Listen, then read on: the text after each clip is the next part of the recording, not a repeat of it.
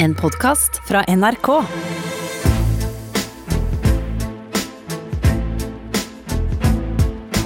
Trump mot verden med Gjermund Eriksen og Sean Henrik Matheson. Velkommen til Trump mot verden. Jeg heter Sean Henrik Matheson. Gjermund, åssen går det? Nei, vi trenger fredag, og jeg trenger eh, kiropraktor. Ja, Det gjør du, du har vondt i ryggen. Eh, Gjermund Eriksen, eh, hører du stemmen til der? Det er fredag formiddag. Datoen er den 31. januar. Dag 2006 av hans eh, presidentskap. Taper han er det 354 dager igjen, med forbehold. Eh, Gjermund, eh, ja, det at vi skal inn i et rettssalsdrama i dag, det er vel ingen bombe?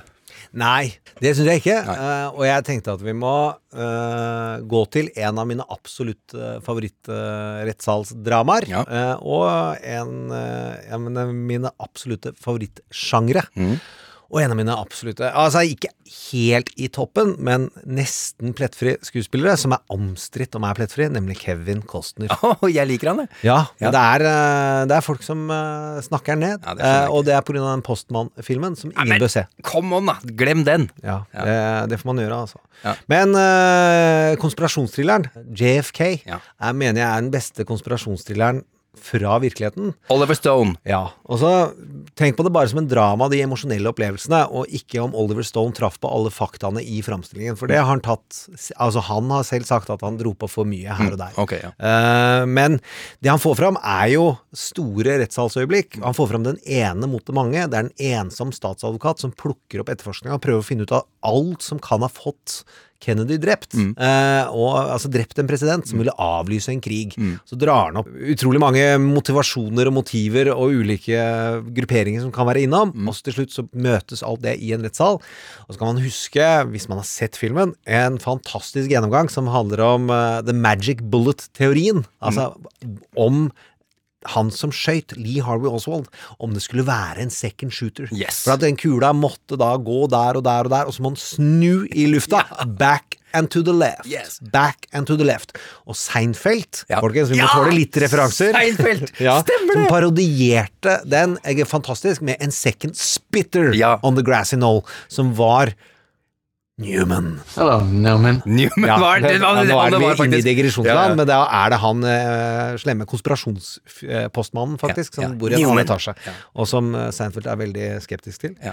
Men uansett, helt til slutt. Og så går vi inn i den siste appellen som han skal holde. Uh, Nå er, vi ikke, nå er vi tilbake, ikke i Seinfeld nå, men nå er vi tilbake nå er vi tilbake i rettssalen, Ja. og det er blitt ført mange vitner. Og da er vitner som har dødd og blitt borte, og som ikke har kommet til. Mm. Uh, og han er utrolig pressa, denne Kevin Costners karakter. Mm. Uh, og han starter sluttappellen, og han går innom grunnlaget for hvorfor USA finnes. Mm. Altså eh, en revolusjon, at det er et oppgjør mot noe. Det er et forsvar av noe. ikke sant? Det er sannhet. Truth. Eh, og at justice er noe du må slåss for.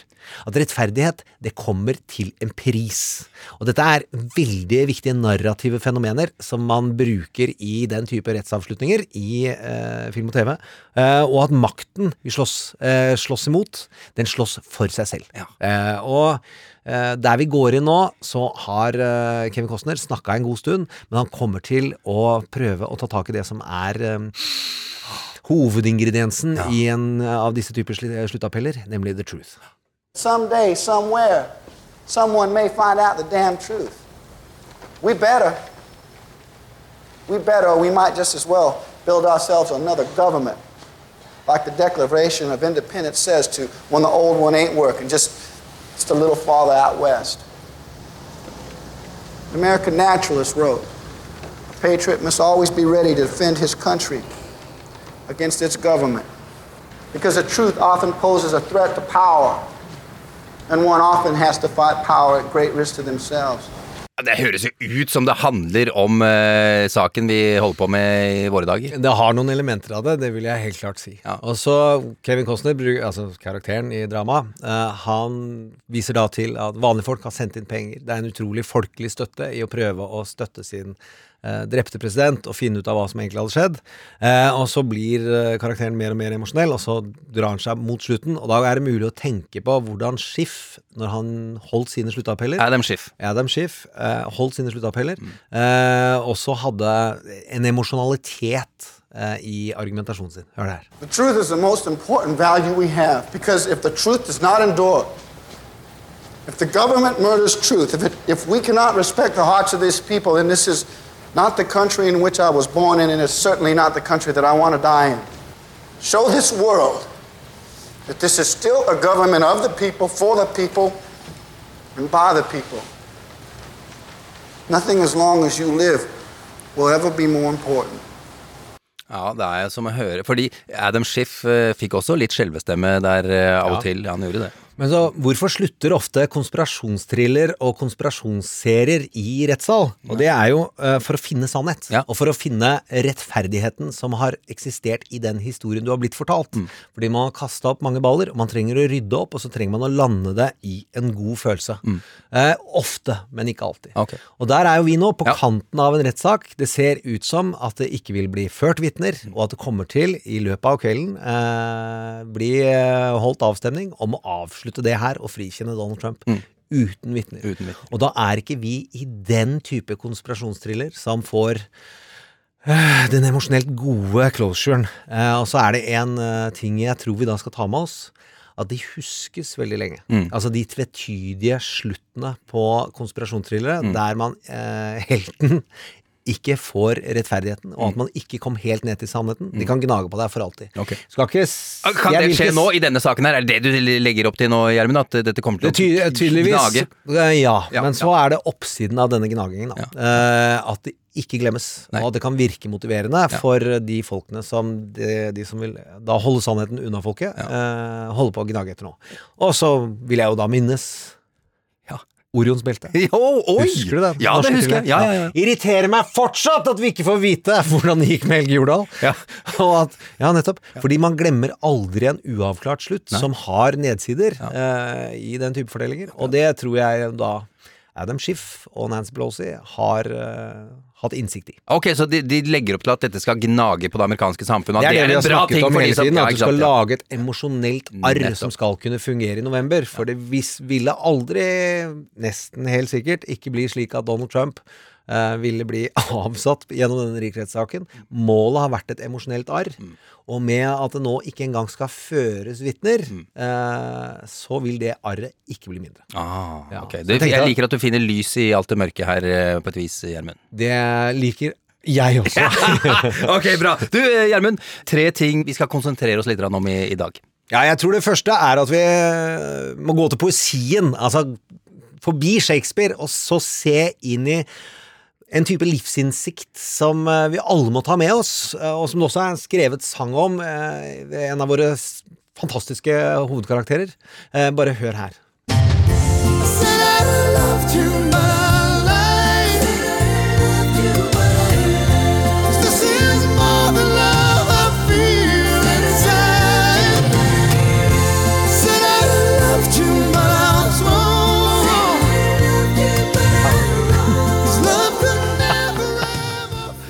Ja, Michael Bolton. Og jeg er av, Men- av alle mest ostete albumtitler, så denne husker jeg for alltid, for det, var, eh, det er fra det glade 80-tall.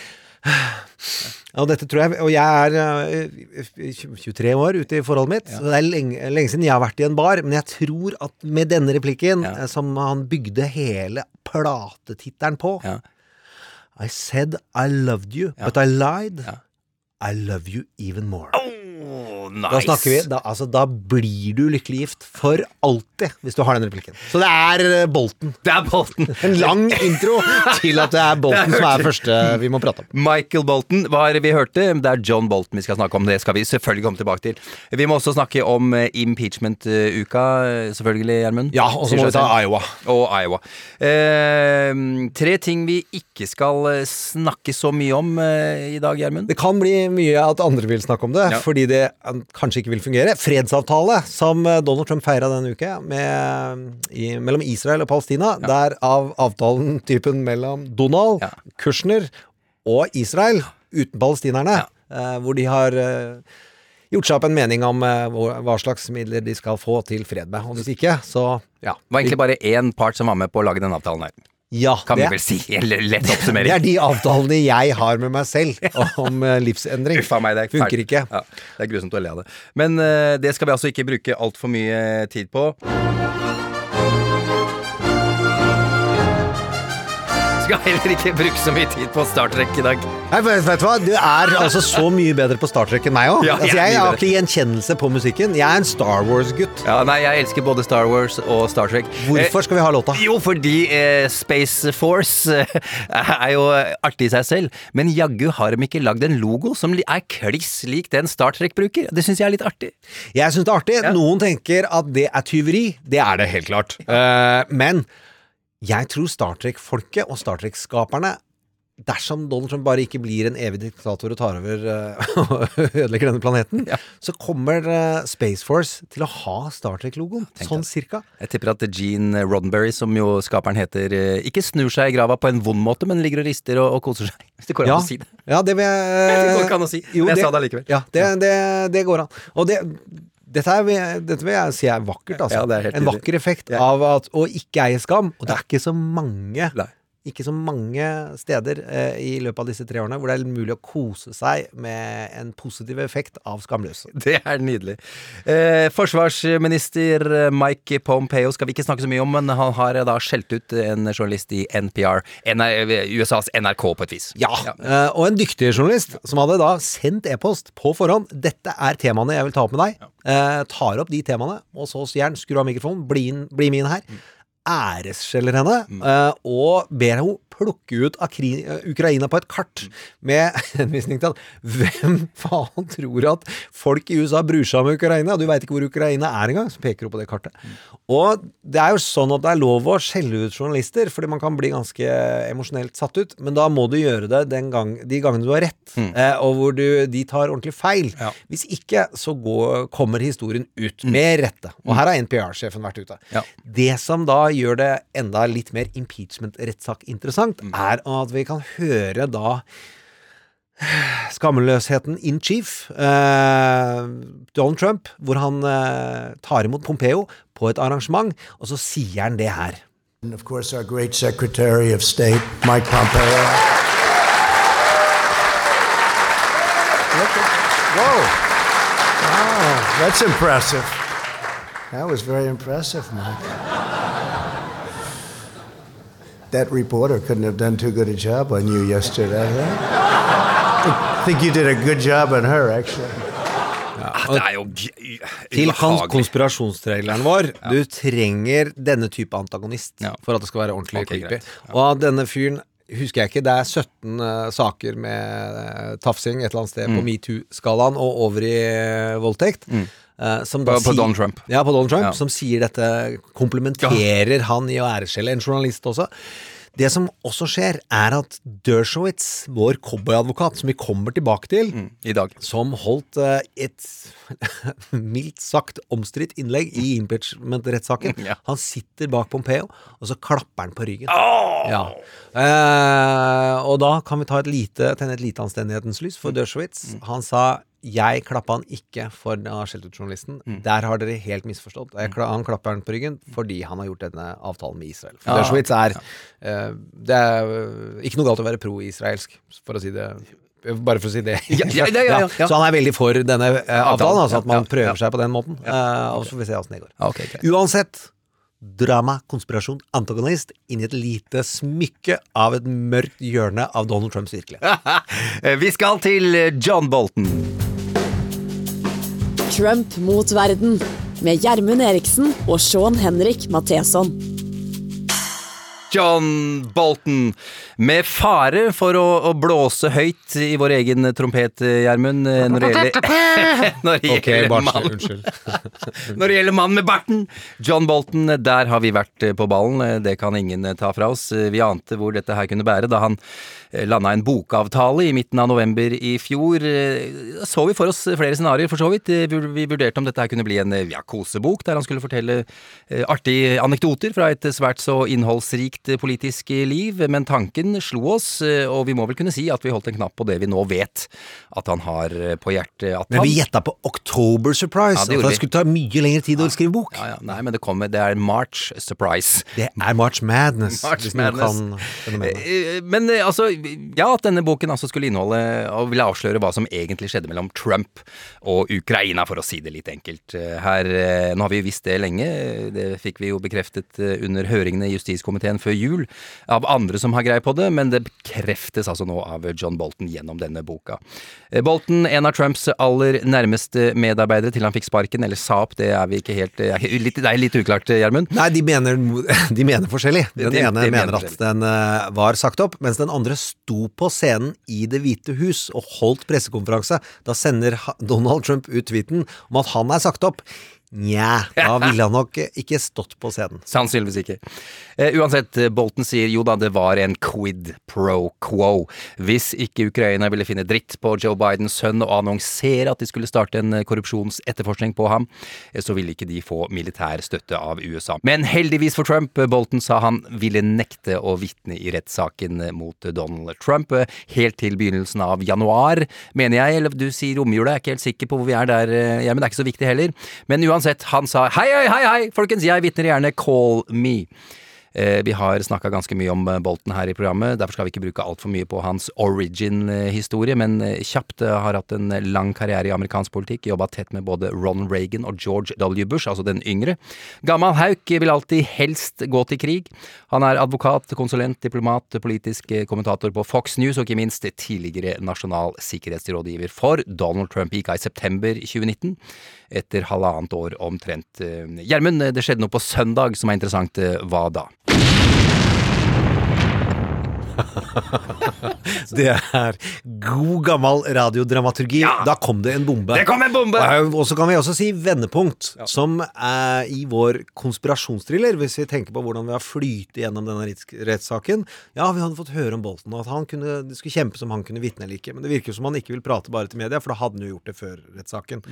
Og så sitter vi og venter. Nå vet vi at Forsvaret skal komme, og det kommer til å ta et par dager. Og så skal de debattere, og så skal de etter det igjen velge om å er vitne. Altså på søndag så kommer det lekkasjer fra boka hans. Eh, på søndag. Det er akkurat idet forsvaret av Donald Trump hadde kommet i gang. Eh, de hadde holdt på to og en halv time på lørdag og så sagt 'dette skal vi forsvare med', eh, og trengte det da som kalles eh, kommunikasjonsmessig momentum. Altså at det er de som skal ha mikrofon, de skulle ha lyset, de skulle få fremføre seg på sitt beste. Eh, og så kommer det gjennom eh, ja, vår tilbakevendende favorittjournalist Maggie Haberman og Michael Schmidt. New York Times. Ja.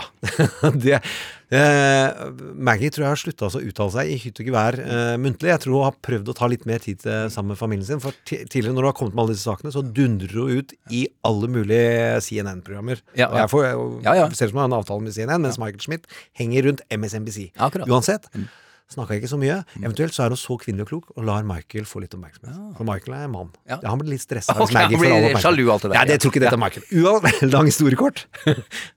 Det er helt vilt at den boka kom på søndag, da det passa Donald Trump aller, aller, aller minst. Ja, Hva vil du si om timingen? Altså, Lekkasjene kom på søndag. Kunne Ja. bare vært bedre om det Ja. kom uka før valget. Altså vært en October surprise. Altså slutten av October surprise hadde vært bedre for å reaktualisere antagonisten vår.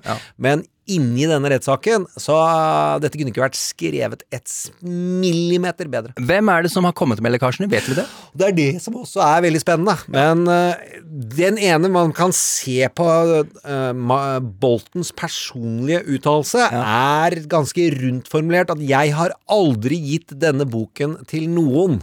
uh, som eh, skal lekke den. Nei. Eh, og det gjorde heller ikke Comey uh, når han uh, sørget for å sende fra seg informasjon som han visste ble lekket. Eh, så han lekket ikke fra den jobben han hadde, Ja. men hans nære venn og professor et eller annet sted gjorde det. Det kan være Bolten som har gjort det direkte, fordi han er så forbanna. Men kan det komme fra Det hvite hus? For Det hvite hus har jo fått denne boka for gjennomlesning, som er helt vanlig når tidligere medarbeidere har, skal skrive bok. Det er en egen avdeling i Det hvite hus som da driver med godkjenning av bøker fra tidligere medarbeidere. Det er da det som kalles career career professionals. Uh, anstendige karrierebyråkrater. Og da mener jeg byråkrat med et stolt og varmt For jeg, jeg er glad i byråkrater. Ja, ja, ja, det er det er ille at de brukes som skjellsord eh, av mange. Men dette er karrierebyråkrater som har gjort dette ryddig i alle tider. Så de har aldri lekket fra disse prosessene, ifølge Preet Bahara, som hadde en egen gjennomgang av det på onsdag. Uh, det kan tenkes at de er så forbanna, at det er krefter inni der. Mm. Så kommer det fram at boka har seila rundt i Det hvite hus. Mm. Det fins flere kopier. De har kopiert og delt ut til hverandre. Og gjennom alle de bøkene som er skrevet om Donald, så vet jo alle unntatt Donald, jeg tror Donald også vet det, at det er veldig få som ikke lekker dritt om Donald blant hans egne. Ja. Og at det er da et sinna menneske der som tenker at denne Han trenger én ørefik til. Ja, fuck det her, liksom. Ja, Ja. eh, det er fullt mulig. Uh, og så er det også mulig at forlaget har uh, uanstendige medarbeidere som har gjort det bak Bolten, ute, utenfor Bolten sin vilje. Ja, ja, ja. Det er sjelden Altså, det kan ikke jeg huske at det Ja, har ja, skjedd. ok. Nå er er ikke jeg noe sånn Okay. La oss si at jeg ikke følger amerikansk forlagsbransje fra dag til dag. Eh, Ale hva kom først? Det første, altså de største tingene som eh, ble påpekt eh, der borte, er jo at han er direktepekende på Donald visste, og han sa. Det er det noen andre som har gjort òg, men eh, det er forskjell på om eh, EU-ambassadøren sier at alle var involvert, og at Bolton sier 'jeg hadde samtalen med han minst tolv ganger'. mm. Da kan ikke Donald Trump, når du går opp i tallet tolv, da begynner det å bli vanskelig vitne mot vitne å si at eh, 'nei, kan ikke Husker det. Nevnte du det, altså? Nei, jeg var- ja, det, altså hvor, mange, hvor mange? Så det er helt for, Der tar Bolton opp slegga og dundrer tolv ganger i bordet. Ja. Dunk, dunk, dunk, dunk, dunk. Og det neste, som også er helt i etasjen like stort, er at han er direkterefererende til at justisminister Barr er involvert og visste.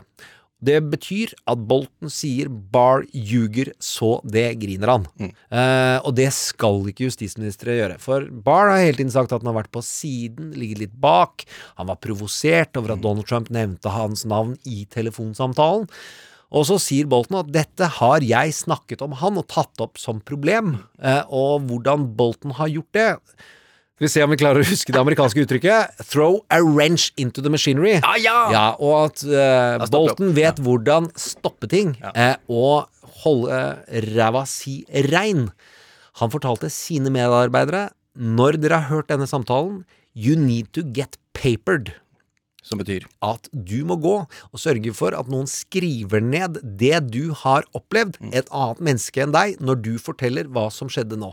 For da har du passa på at du er clean. Du har fortalt 'jeg syns det er ille at vi lager en sånn avtale med Ukraina'. Alle må bli papered i ny og ne, føler jeg. Ja, ja.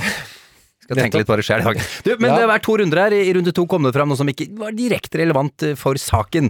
Men uh, Bolton og Pompeo eh, uttrykte jo bekymring for, at, for Donalds ekstreme fascinasjon for autoritære ledere, altså diktatorer, basically. Ja, det er bare ille. Altså at Pompeo også bare, uh, blir tatt i å måtte være skeptisk og være redd og uttrykke bekymring. Og det også, tror jeg var også lufta med Barr, at Trump på telefonen med disse diktatorene uh, De har gjerne selskaper som blir etterforsket for korrupsjon og ver- verre ting. Sier at 'jeg skal se på den etterforskninga'. Det der skal jeg ta meg av. Eh, det der skal jeg eh, sørge for. Det kan ingen president gjøre, nettopp fordi at eh, den justisministeren i USA, han er riksadvokat. Eh, I Norge, justisminister, er noe helt annet enn det å gjøre. Jeg har ikke lov til å ringe Nei, nei, nei. riksadvokat. Ok, eh, hvordan vil du si uka har utvikla seg for, for eh, Bolten, Gjermund? Nei, det La oss si at uh, det det har jo vært veldig lite drittsnakking om den, Ja. og det har vært veldig mye framsnakking. Ja. Og folk har ligget unna og driver og angrepe hans troverdighet. Og her kan vi høre Lou Dobbs, hvordan han snakker om Bolton når han fikk jobben, og hvor glad han var inn selv når han sluttet, før denne boksaken. I think uh, anyone who knows John Bolton is celebrating uh, because of his, uh, his intellect, his capacity, his experience, his talent. John Bolton is one bright, highly knowledgeable individual who has the interest of this country and this president in mind every step of the way. John Bolton served this president well, and we thank him for his service. I don't think most people realize what a respected uh, uh, figure you are, a respected attorney, uh, and you know we never talk about that. But anyway, John Bolton, a Fox News contributor, a great American. Altså, Lou Ja. Dobbs, programleder, har jo en gigantisk man-crush på, på John Bolton. Helt klart. Og det er jo ingenting som kan endre det, bortsett fra dersom Trump vil at det skal endre det. Og da kan vi høre her. John Bolton himself has been reduced to a tool for the radical Dems and the deep state Å, det går fort! Det går fort! Radical Dems in the deep state. det er jo Altså, de er jo backinggruppa i en rapplåt. Eh, Bolton fikk også støtte fra, fra annet høyt hold, for å si det sånn. Eh, general Kelly, altså tidligere stabssjef for, for Donald eh, Gjermund. Ja, og det er jo en av eh, de store respekterte generalene som valgte å gå inn i Trump-administrasjonen, eh, blir chief of staff, eh, og som da går ut og sier hvis han må velge mellom å tro på Trump og hans folk og Bolton, tror på Bolton. Tydelig. Som er en liten uh, recap til forrige ukes episode, hvor vi hørte om hvordan generaler, eh, ifølge uh, tidligere utenriksminister Rex Tillerson, var føyelig overfor Donald. Nei, Så- han var ikke føyelig. Det var han eneste som sta imot, og så var det Ja. generalene som var føyelige. Ja, ja, men det sa Rex Tillerson, ja. Men uh, Kelly, han, det siste han hadde sagt til Donald, var at aldri ansett en yes man i denne jobben. Ja. Du vil bli impeached. Ja, det stemmer jo det! Ja, så For å nyansere hva Rex drev med, så har i hvert fall Kelly sagt at han, han definerte sin jobb og si nei, det har du ikke lov til. Nei, det har du ikke lov til. Nei, det har du ikke lov til. Som å følge en treåring rundt i en godtebutikk. Vi går videre. Eh, Folk eh, jobber nå eh, hardt, altså folkene rundt Jeg glemte at dette skulle være skummelt. Konspirasjon. Vi er inne i konspirasjonsepisoden. Dette er skummelt. Dette er en slem treåring med masse pistoler, går rundt i en godteributikk og hater at andre tar godteriet hans. Det, og det er det verste vi kan være borti, faktisk. Slemme treåringer med, med pistoler. Eh, folka rundt Trump jobber veldig med å stoppe boka, Gjermund. Ja, og det er øh, vanskeligere enn det skulle høres ut som, fordi da må de gå til en øh, rettsinstans i Washington eh, som er veldig opptatt av offentlig åpenhet, og som vil de snu bevisbyrden. Og det er derfor dette executive privilege ikke helt har fungert. Ja, bare sånn er det en executive privilege? Det er at presidenten må ha lov å diskutere ting med sine nære rådgivere, uten at de rådgiverne må vitne om nyansene i hva som er beslutningen til den øverste lederen i USA. Ja. Ellers så vil du låse seg slik at folk vil bare si det som kan havne på trykk, når du skal rådgi en mann med så mye makt. Og det er blitt vedtatt i flere rettsrunder at det må være lov rundt ærlige beslutninger. Men der det er mistenkelige beslutninger eh, som blir tatt, så eh, er det ikke lov å hevde executive privilege overalt. Og da, men det forutsetter at man har en, eh, en administrasjon som deler informasjon. Og så er det sånn etter at du har slutta å jobbe der, executive privilege, Uh, hvis du jobber for meg sånn, at du er min uh, national uh, security chief, Ja, ja. ja, og så sier jeg ja, ja, men du går ikke og snakker med dem, for nå sier jeg at det er forbudt, det vi har snakka om, det er Ellers så får du, mister du jobben. Ja. Så det er trusselen mens du jobber der. Selvfølgelig. Etter du jobber der, så har du ikke taleforbud rundt alt. Det er ikke livslang, eh, livslang eh, Hva heter det? Nei, men det, det er noe annet enn at du ikke kan si hemmeligstemplet informasjon. Eh, Du kan være åpen om dine erfaringer etterpå, det går mer på lojalitet. Okay. Og så vil de prøve seg, antageligvis, nå kommer de til å prøve å stoppe boka, for de har lyst til å skyve alt som er mulig å skyve til, la oss si 14. november, da. I hvert fall uka etter valget. Mm. Det hadde vært fint. Det er jo ganske tydelig her eh, hva slags vitne John Bolton er. Svært viktig, eh, rett og slett. Eh, Men nå er det jo altså ikke sikkert at han blir innkalt som vitne. Nei, det er, henger i en utrolig tynn tråd, i en edderkopptråd, Ja. i høy vind, i et skur der vi er i ferd med å gå inn og klippe den tråden. Å, shit. Ok, greit. Vi skal til riksrettssaken. Trump mot verden med Gjermund Eriksen og Sean Henrik Matheson. Riksrettssaken mot Donald Trump har rullet og gått hele uka, og som du vet, spørsmålet er jo er president Donald Trump skyldig eller ikke skyldig i å ha begått maktmisbruk for egen vinning og for å ha motarbeidet Kongressen. Demokratene åpna ballet for, ja, med sin prosedering, holdt på i tre dager, så var det republikanernes tur, og så holdt på i tre dager. De siste par dagene har senatorene fått lov til å stille spørsmål til enten aktoratet eller forsvarerne. Litt sånn ja, hva mente du med det, hva betyr det du sa der, du vet, sånn, og så videre og så videre. Det mest spennende denne uka her har jo vært, som vi akkurat snakka om, ikke om han blir dømt eller ikke, det kan vi med 100% sikkerhet si at han ikke blir. Eh, spørsmålet har vært, vil det bli anledning til å føre ytterligere bevis eh, eller eh, vitner? Det vil ikke republikanerne ha noe av, de vil helst ikke at det skal bli enda tydeligere at de frikjenner en skyldig president. Eh, Der det kreves to tredjedels flertall for å dømme presidenten, kreves det kun et ordinært flertall i senatet for å bestemme om vitner kan føres. Altså 51-49, det er jo 100 medlemmer av senatet. Og ettersom republikanerne har 53 representanter og demokratene 47. De 47 inkluderer to uavhengige, bare for å si det. Trenger demokratene bare fire stemmer fra republikansk side, og der ligger spenningen, i hvert fall lå eh, spenningen. Eh, Først, eh, Gjermund, før vi går løs på det, la oss begynne med en av advokatene til Don Trump. Vi snakka om han i forrige uke som den gamle westernhelten, han som rir inn i den støvete byen og, skyter alle han ser. Den legendariske advokaten Alan Dershowitz, hvordan har han klart seg? Vel, ja, det syns jeg ble det unforgiven-øyeblikket som vi trodde. At uh, der kom det en gammel forsvarsadvokat som trodde han var like god som i sine glansdager, uh, og holder et innlegg som ikke overhodet holdt mål argumentasjonsmessig eller prestasjonsmessig. Han eh, prøvde å forsvare en posisjon som er veldig vanskelig. Det tenker jeg at vi kan prøve å lene oss litt fram på stolen og høre etter hva han sier her. Så kan vi snakke litt om posisjonen han inntar eh, først, og vel vitende om at her er, dette er han ganske alene om på eh, den i, ja, blant the scholars innen eh, lov og rett i USA. Every public official that I know believes that his election is in the public interest. And mostly you're right. Your election is in the public interest. And if a president does something which he believes will help him get elected in the public interest, that cannot be the kind of quid pro quo that results in impeachment. We may argue that it's not in the national interest for a particular president to get reelected, but for it to be impeachable, you would have to discern that he or she made a decision solely on the basis of, as the House managers put it, corrupt motives.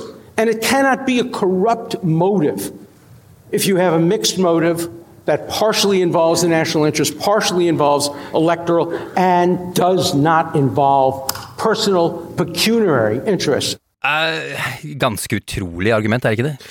Jo, jeg tror du kan spille det for en engelskspråklig barneskole, i hvert fall ungdomsskoleklasse, eh, og man hører at det her er jo ikke derfor man har maktfordelingsprinsippet. Altså, det, er ikke, det, det er ikke den smarteste måten å drive et land uh, på, og ikke i det hele tatt hva man har preiset ved den amerikanske grunnloven. Uh, oppsummert så kan du ikke uh, si at det er maktmisbruk dersom du har i interesse av å bli gjenvalgt, for det kaller du i nasjonens interesse. Nettopp. Og det du jo, gjør i din egeninteresse som president, kan umulig være korrupt. Eh, Det og- er ikke til å tro!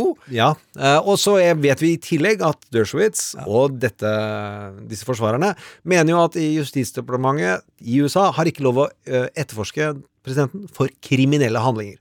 Eh, og de har ikke lov å tiltale ham for kriminelle handlinger. Og det betyr at han rett og slett ikke kan gjøre noen ting mot en sittende president. Det er bare gjenvalg som skal avgjøre det.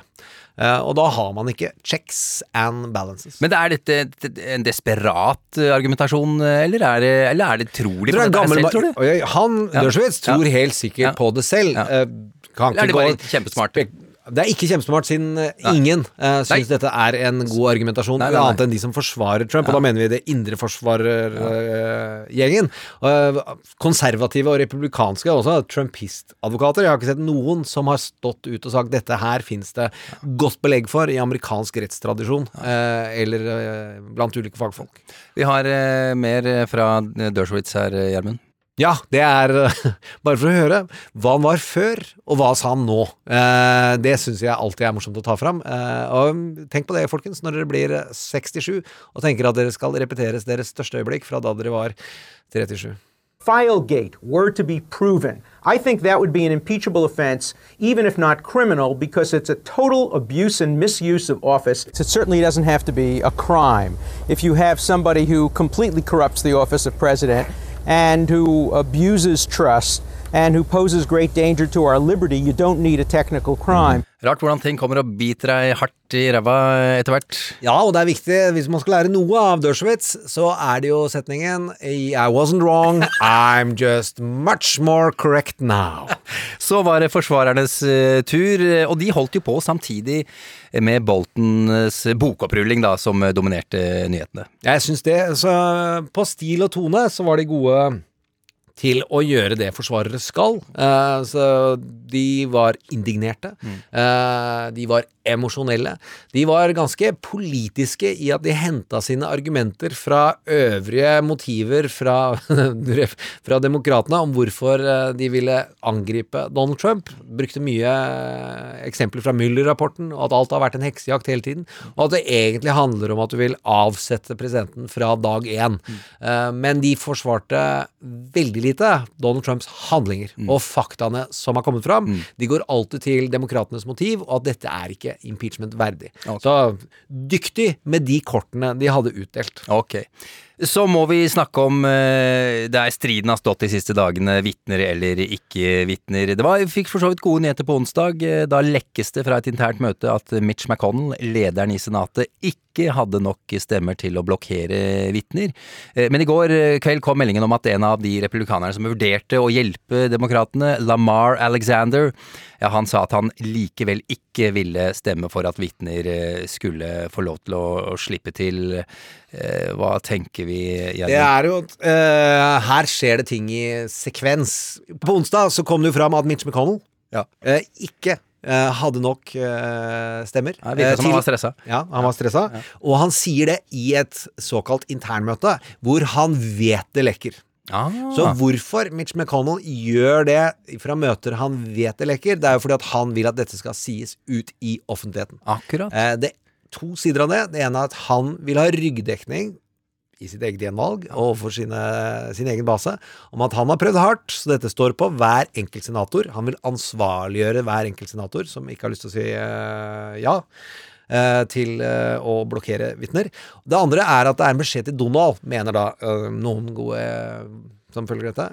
Få Donald på banen. Få ham til å legge ekstra hardt press. For det er ikke nok, det som er. Eh, og dermed få Donald på telefon, og få Donald til å løfte fram eh, de som har gjort det. Ok, Og så, vi- så han har vært på telefon til Amar Alexander, det er det du sier nå? Donald Eh, Trump, altså. Noen har vært på telefon til Lamar, Lamar Alexander, og så vet noen rundt Donald Trump om det beste for å få Lamar Alexander til å gjøre som han gjorde i dag, er om Donald skal ringe sjøl, eller om han er en For han er eh, kjent som en fyr egentlig av integritet. Han skal ikke sitte på gjenvalg. Så dette gjør han av lojalitet til noe annet, i tilfelle. Eller om de presser de da som skal ringen. han. Han er eh, en tett og god medarbeider av Mitch McConnell, så kan godt tenkes at Mitch gjorde det sjøl. Men de har vært veldig avhengig av fond. Ja, dette her kunne det jo vært satt eh, thrillermusikk til, kunne det ikke det, Gjermund? Eh, Det er jo helt sikkert, men hvis man tar f.eks. den måten Donald løfta fram de menneskene som faktisk støtta han og gjorde det offentlig tidlig, om at de vil ikke at Bolton skal komme ut og æresskjelle Donald eh, og gi han store problemer, det, da begynner han å takke dem på et arrangement på, eh, som jeg tror var på onsdag. Hør nå. We do have some incredible people that work so hard, and uh, senators. And maybe I'm being just nice to them because I want their vote. Does that make sense? Pat Roberts, Marcia Og det, Blackman, det han kan gjøre her, det er å legge so- på sånn klassisk Blunt. mens han snakker. Thank you, John Bozeman. Thank you, John. Mike Braun. He's become a big Og da begynner vi å skjønne At vi er ikke inne i den konspirasjonsthrilleren vi tror. Vi er ikke inne i A Few Good Men, uh, hvor uh, den skyldige Jack Nicholson får det som han vil i the end. Vi er inne i JFK. Den juryen er jo på parti med den tiltalte, uh, og har vært det hele tiden. Han takker juryen på forhånd for beslutninger det han vet vil komme. Eh, og det gir oss en helt annen følelse som det virker som denne rettssaken kommer til å slutte med. Nemlig at de blokkerte sannhet, og det er det 70% i USA som mener at det er urettferdig, og at man burde hørt vitner. Men de går altså imot alle disse eh, velgerne, sine egne velgere også, republikanerne. Det er veldig mørkt. Og så er håpet da at det setter et emosjonelt arr, Nettopp. eh, og at dette er noe man kan bruke videre. Nå ble det mye tydeligere hvordan den rettssaken ble avlyst og avblåst av Mitch McConnell, uh, og så får vi se. Men, men var det ikke litt mørkere òg, Gjermund? Jo, ifølge Lev Parnas, han der eh, som uh, hadde, all- hadde, hadde alle disse hemmelighetene fra Rudy Giuliani, han fortalte at den senatoren som har grini og sutra høyest på vegne av Donald, at dette er helt urettferdig, og det er klart det ikke er noe quid pro quo eller noe sånt. uh, Han har visst om denne avtalen hele tiden.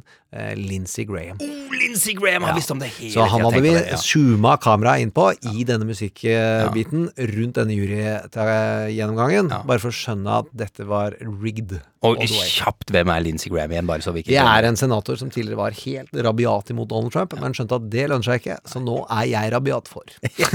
Ganske enkelt oppsummert. Yes, it is game on for 2020. All eyes are now on who will run for president in 2020. It Sounds like a game show, but it's not. One of these candidates could be the next president. Vi skal til vår spin-off-serie Demokratenes kamp om å vinne tilbake presidenttronen. Og vi skal til Iowa. Eh, se for deg USA i atlaset ditt. Eh, finn midten av USA. Gå litt opp, litt til høyre. Der har du Iowa. det er veldig bra. Er ikke det solid? Jo, det er altså, jeg hadde, ikke, jeg hadde slitt veldig med altså, Bortsett fra at jeg ikke hadde plassert det ved kysten. Nei, nå, er vi, nå veit vi hvor det er. Eh, en jordbruksstat med ca. 3 millioner innbyggere. 75% av dem er kristne. Flesteparten er protestanter. Hovedstaden heter Des Moines. På mandag smeller det. Da går innbyggerne til valg. De skal velge hvem de synes skal bli demokratisk presidentkandidat. Dette valget er viktig fordi resultatet av det som skjer her, preger ofte valgene i statene som følger. Det setter en tone, rett og slett. Det beste eksempelet er kanskje valget i 2008. Hvem vant? Barack Obama. Eh, Og det at han vant der, satte for alvor fart på kampanjen hans. Det samme kan sies om Jimmy Carter, faktisk. Tilbake i 1976 finnes flere andre eksempler også. Gjermund, hva er ståa? Det er at Bernie leder så det griner, og har hatt eh, det 538 kaller et Bernie Surge over. Da har vi snakket om The Model, som vi liker. Det finnes en modell som sier om sannsynligheten for hvem som vinner valget. Den hadde en dramatisk endring til Bernies fordel uh, i løpet av denne uka. Eh, Hvorfor det, vet vi det? Ja, Det ble diskutert, og de påpeker jo at han uh, har hatt et budskap som har vært positivt hele tiden. Han har hatt få angrep. Man kan spørre seg, selv om det hjelper å få, ha et lite hjerteattakk, så er det ikke så mange som snakker dritt om det her på en stund. Vel, en stund. ja, uh, og at uh, de fallene som Warren og Buttigieg, de poppa opp for tidlig. Mm. Det er jo viktig, akkurat som på en 800 meter, å ikke løpe alt du kan første runden. Helt riktig. Det er, det er veldig, veldig viktig. Ja, Men, men, så får vi se, Ja. for nå er forventningene at Bernie skal få det veldig bra. Ja, og eh, de- er nå stressa over at Bernie gjør det så bra, fordi han er på den ytterste venstre fløy, og kan kanskje være vanskelig for han å, å ta Donald eh, når vi kommer så langt. Det er det mange som er stressa over. Og så er det spørsmålet hva har Iowa av klokskap i å velge hvem som er valgbar på tvers av alle statene? Eh, og da er dette skrekkordet, socialism, eh, noe som eh, de kommer, kommer til å bli brukt mot dem. Ja, socialism, altså. Det kommer vi tilbake til seinere, faktisk, bare for å nevne det. Eh, ja, caucuses eh, må vi jo nesten snakke litt om. Det er jo, heter jo The Iowa Presidential Caucus. Ja, det er veldig vanskelig å snakke om caucus-historien og hvorfor er det sånn og hvorfor er det slik på veldig kort tid. Så det er viktig å bare se for seg et valg til elevrådsformann på videregående.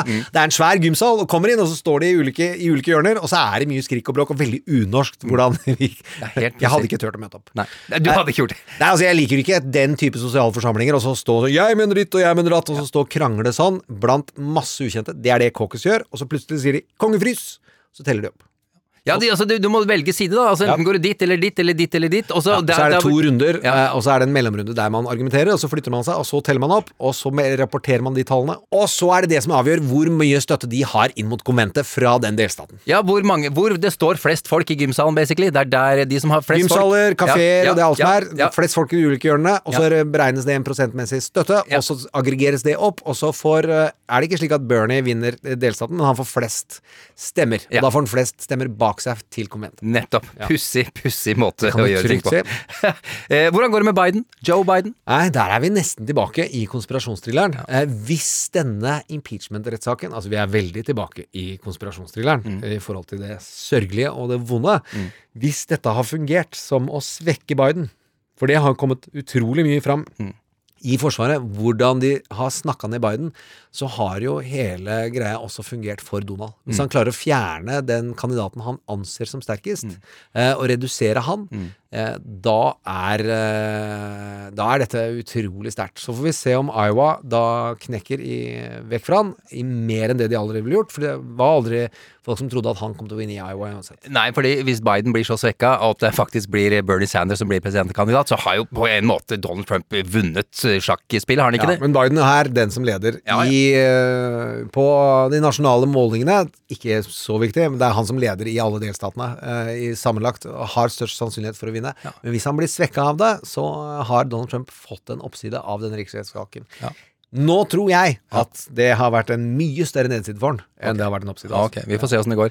Hvor raskt kan det være at folk faller fra? Warren Buttigieg, hva skjer der? Vet vi noe om det? Nei, det er eh, Det avhenger av hvor lite eller hvor mye de taper med. Eh, og så handler det om forventningsstyring inn mot New Hampshire. eh, hvordan du klarer å spille på den forskjellen fra den, eh, det nederlaget du hadde i den første, til den andre.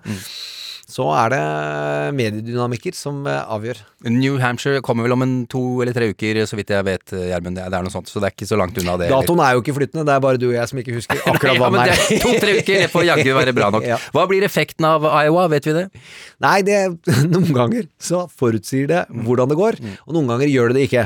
Hovedkriteriet for demokratene, alle om du er ytterst til venstre eller til høyre, er electable. Altså, kan du slå Donald? Og så er det noen som er så fan av Bernie at de mener at han klart han kan slå Donald, eh, og så er det ganske mange som er kjemperedd for Bernie. At hans evner Han har en sterk base, men den er ikke stor nok til å ta med seg inn til Donald. Nei, nettopp. Og jeg er redd. Jeg er litt nervøs For det. faktisk. Ja, ja, men Litt han er jo kanongod sosialdemokrat i Norge. Norge. Velkommen til Norge. Bestem. Ta, det, ta sykehusene, olja. Bare gjør ting. Det er helt norsk. Men om det kan slå Donald, det er jeg faktisk redd for. Nei, vi er litt svette i hendene her. Ranking member of the House Intelligence Committee, Democrat Adam Schiff. Crooked Adam Schiff. Congressman Adam Schiff. You little pencil neck.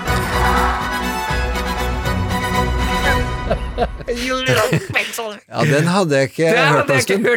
Det var veldig morsomt. Ukas karakter, en av våre helter, Adam Schiff, lederen for justiskomiteen i Representantenes hus. En av Nancy Pelosis viktigste og beste, men Nancy leder jo, leder jo er sjefen i Representantenes hus. Adam Schiff fyller 60 i sommer, har en lang karriere i politikken, Utgangspunkt advokat fra prestisjeuniversitetet Stanford. Ble valgt inn i det californske senatet i 1996. Det satt der til han rykka opp og ble valgt til Representantenes hus i 2000. Har hatt en rekke tunge verv for demokratene, går for å være en av de beste, beste de har. Eneste virkelig store ripe i lakken er at han stemte for invasjonen av Irak i 2003. Det har han beklaget. Og Han var full. på. Ja, han var full. Det veit jeg ikke. Det bare fant jeg på. Han har beklaget og skylde på at han trodde på det da som viste seg Det var veldig mange som var for det. Løgner, ja, ikke sant. Så det, den er på en måte grei. Det var eh, feilinformasjon fra Bush og hans eh, regjering. Jeg kunne ha skrevet en bok, og det er det sikkert gjort også, om Adam Schiff Gjermund, men hva skal vi huske ham eh, som, for å si det sånn? Husk han som Kevin Costner. Kom, kom, Kevin Costner. Som eh, det beste Altså, jeg syns det har vært en historisk prestasjon i den rollen han har hatt i denne riksrettssaken, uavhengig om jeg faktisk ikke vil at Trump skal bli gjenvalgt. Det enorme retoriske evne han har oppvist, eh, og hvordan han har holdt seg fri fra manus i perioder, men allikevel vært så klar, det kommer til å bli husket. Og da eh, er vi på Kevin Costner eh, sine filmer, alle unntatt Postman, som jeg innrømmer var svak. Eh, men han har jo gjort flere rettssalsopptredener, Kevin, eh, også i Untouchables, der han er den norske oh, ja. Ness. Ness. Ja, Elliot Ness. hvor han til slutt tar Al Capone. Og da er jo spørsmålet hva kan Schiff gjøre fram mot valget, og kan han være litt Ness for Er det de som mulig? er i Kan på vi lag håpe på verden? det? Man kan, ja, ja, ja. Det skal jo være at, at vi taper denne eh, riksrettssaken, Ja, ja. det var jo helt klart. Ja. Det betyr jo ikke at Schiff kan, kommer til å slutte å etterforske Donald. Nei, selvfølgelig ikke. Nei, Så her kommer det til å leites.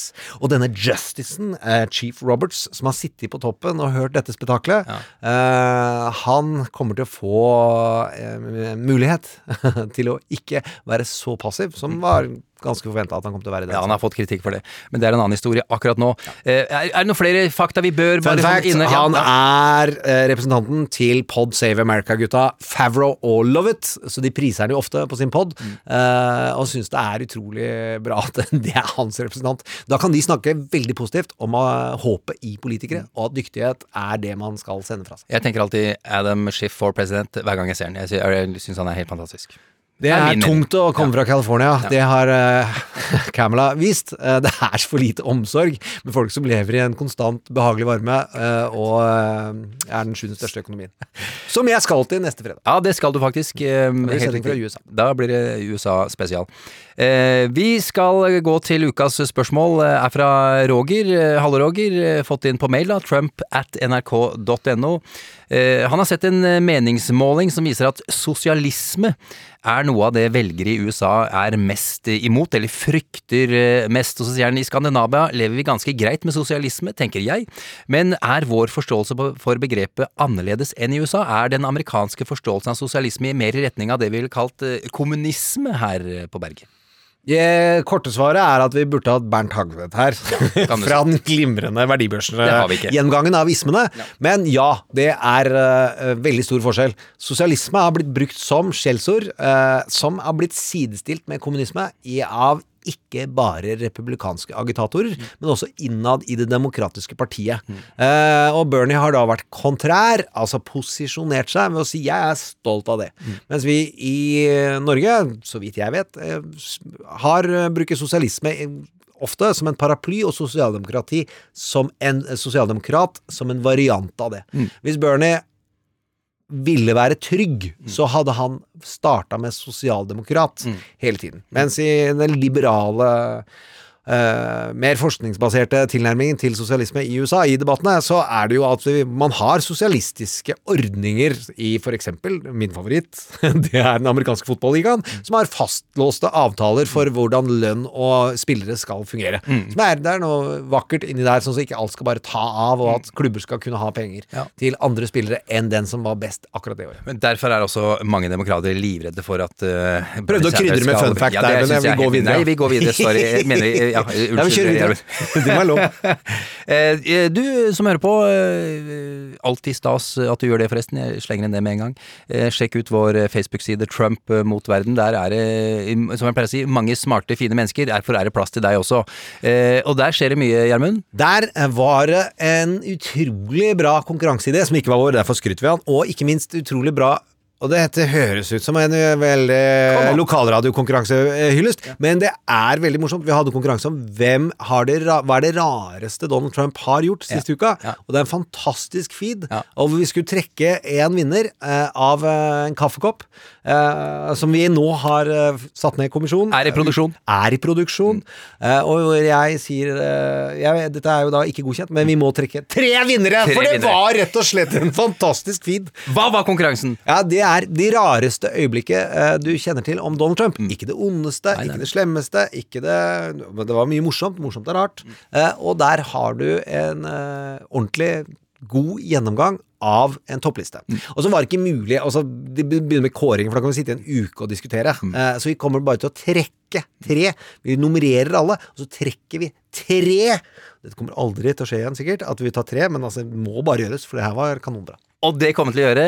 eh, Og tre eh, mennesker som er med i denne feeden på Facebook, eh, Trump mot verden, kommer til å få seg en hyggelig overraskelse. Og på koppen Ja. så står det jo et av forslagene Ja, som har vært nevnt flere ganger. Ja, ja, ja. Det må også sies. Si. Denne koppen ja, men det, det var også Men koppdesigneren, koppidémakeren, hadde ikke lest feeden, så han hadde foreslått, og så ble det tatt opp. Og det er dette ordet Koffefe. Koffefe. Ja. Det er Det må- noe morsomt. Som passer ekstremt godt på på en kaffekopp. Det mener vi. Og da syns jeg, i, eh, i, eh, av hensyn og av respekt og av glede over den fantastiske konkurransen, at vi tar en konkurransepause denne uka. Mm. Ja. Eh, og så da, da sparer vi en av de koppene, og så må vi Mm. forklare den siste til uh, Tor Gjermund Eriksen. Hvorfor det ble tre kopper på én. Den samtalen må du ta. Eh, Det er eh, Silje Martinsen Vetle som eh, som vanlig har hatt den eh, store oversikten, helt riktig, og guidet eh, av deg og meg, Gjermund, gjennom ukas eh, episode. Eh, Vi har en trailer for eh, neste uke. Hva vil du si om den? Det er jo at du har funnet eh, den delen av impeachment-rettssaken som ble skrudd av, og hvor som man sa det var en pause, rett og slett. Eh, Og at det er klart Donald var skuffa over Dershowitz mm. og henta inn en advokat til. Og det, det ble minneverdig, syns jeg.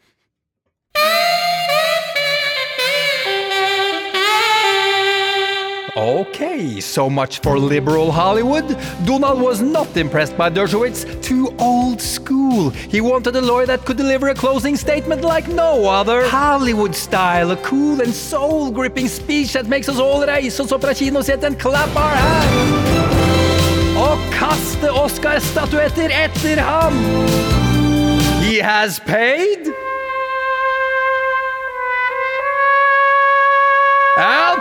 Pacino to do it! Oh, Godfather Pacino, man! Here in the Senate now, closing arguments. Pacino defending Donald Trump. Who would have thought to. And ladies and gentlemen of the jury,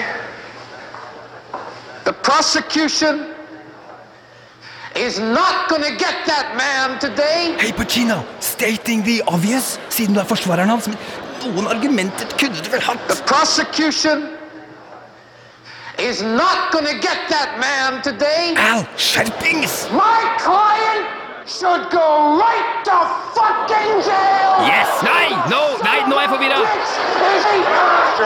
That man is guilty. That man there. That man is a slime. What? He is a slime. Slime? Mr. Kirkland, you are out of order. Justice Roberts klubba! Pass deg for klubba, Roberts! You're out of order. The whole trial is out of order. They're out of order. But you know, I don't think this helps. That man, that If Donald was hissig på Hollywood før, så raped and beat that woman there. Hey Pacino, the impeachment articles wasn't about a woman, the grabbing of the pussy and the other things are before he was president. Sorry. Yes, I know it I sucks. got an insane judge. who Sorry, Al, but your friend is here to save you. Robert De Niro, yes? Bring some decency back. I'm going to say one thing fuck Trump. Neste uke er vi tilbake med orange face og hentesveis. Og om det finnes ca. 5 anstendige republikanske senatorer, så vil også vår kjære Bolton komme og berike våre liv med sine opplevelser. Så how are we supposed to live without American politics and TV series in the podcast Boltons and Boltenitas? det trenger dere ikke, for vi kommer tilbake. Trump mot verden.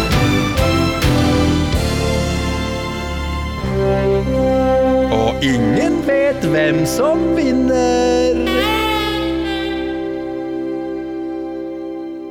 Du har hørt en podkast fra NRK. Hør flere podkaster og din favorittkanal i appen NRK Radio. Hei, jeg heter Line Alsaker og har laget en podkastserie om Norges største spionsak, om Arne Treholt. Spionen Treholt finner du i podkasten Hele historien i NRK Radio.